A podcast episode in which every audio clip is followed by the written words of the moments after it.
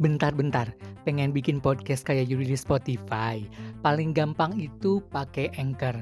Di Anchor kamu bisa langsung rekam, edit, nambahin musik buat intro, ending, sampai background langsung di Anchor. Anchor juga yang bakalan didistribusin podcast kamu ke Spotify dan platform lainnya. Pokoknya yang dibutuhin buat bikin podcast ada di sini semua.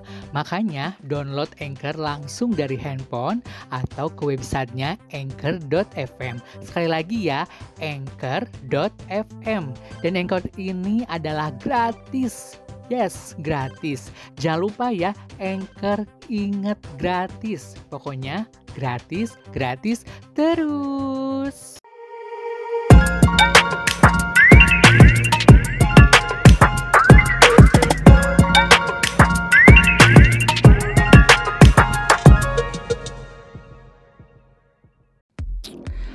Di area julid kali ini makin rame nih perbincangan di media sosial khususnya di Twitter.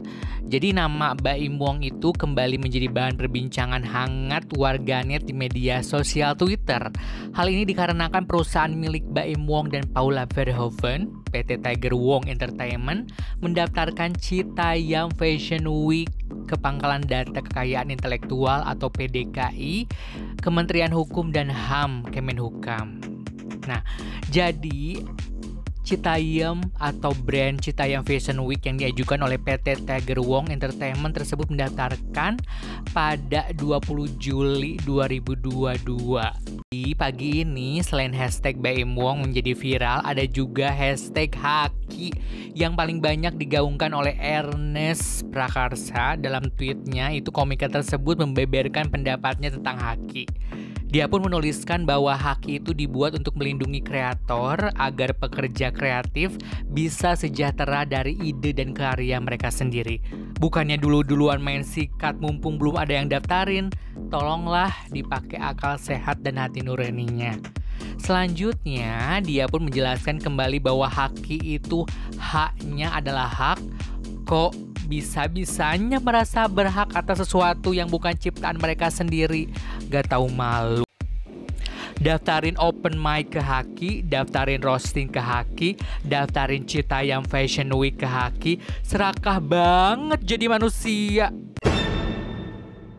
Nih, kemarin udah pernah dibahas di sore santai sih yang namanya uh, Citayam Fashion Week. Secara gitu kan Paula Verhoeven itu sudah ngasih uang sebesar 500 juta kepada Bonge untuk menggaung-gaungkan Citayam Fashion Week. Sebenarnya kemarin pengen komen pas ada berita ini ya gini loh. Menurut gue pribadi ya nggak semua hal harus dimonetisasi, dilegalkan, dimiliki.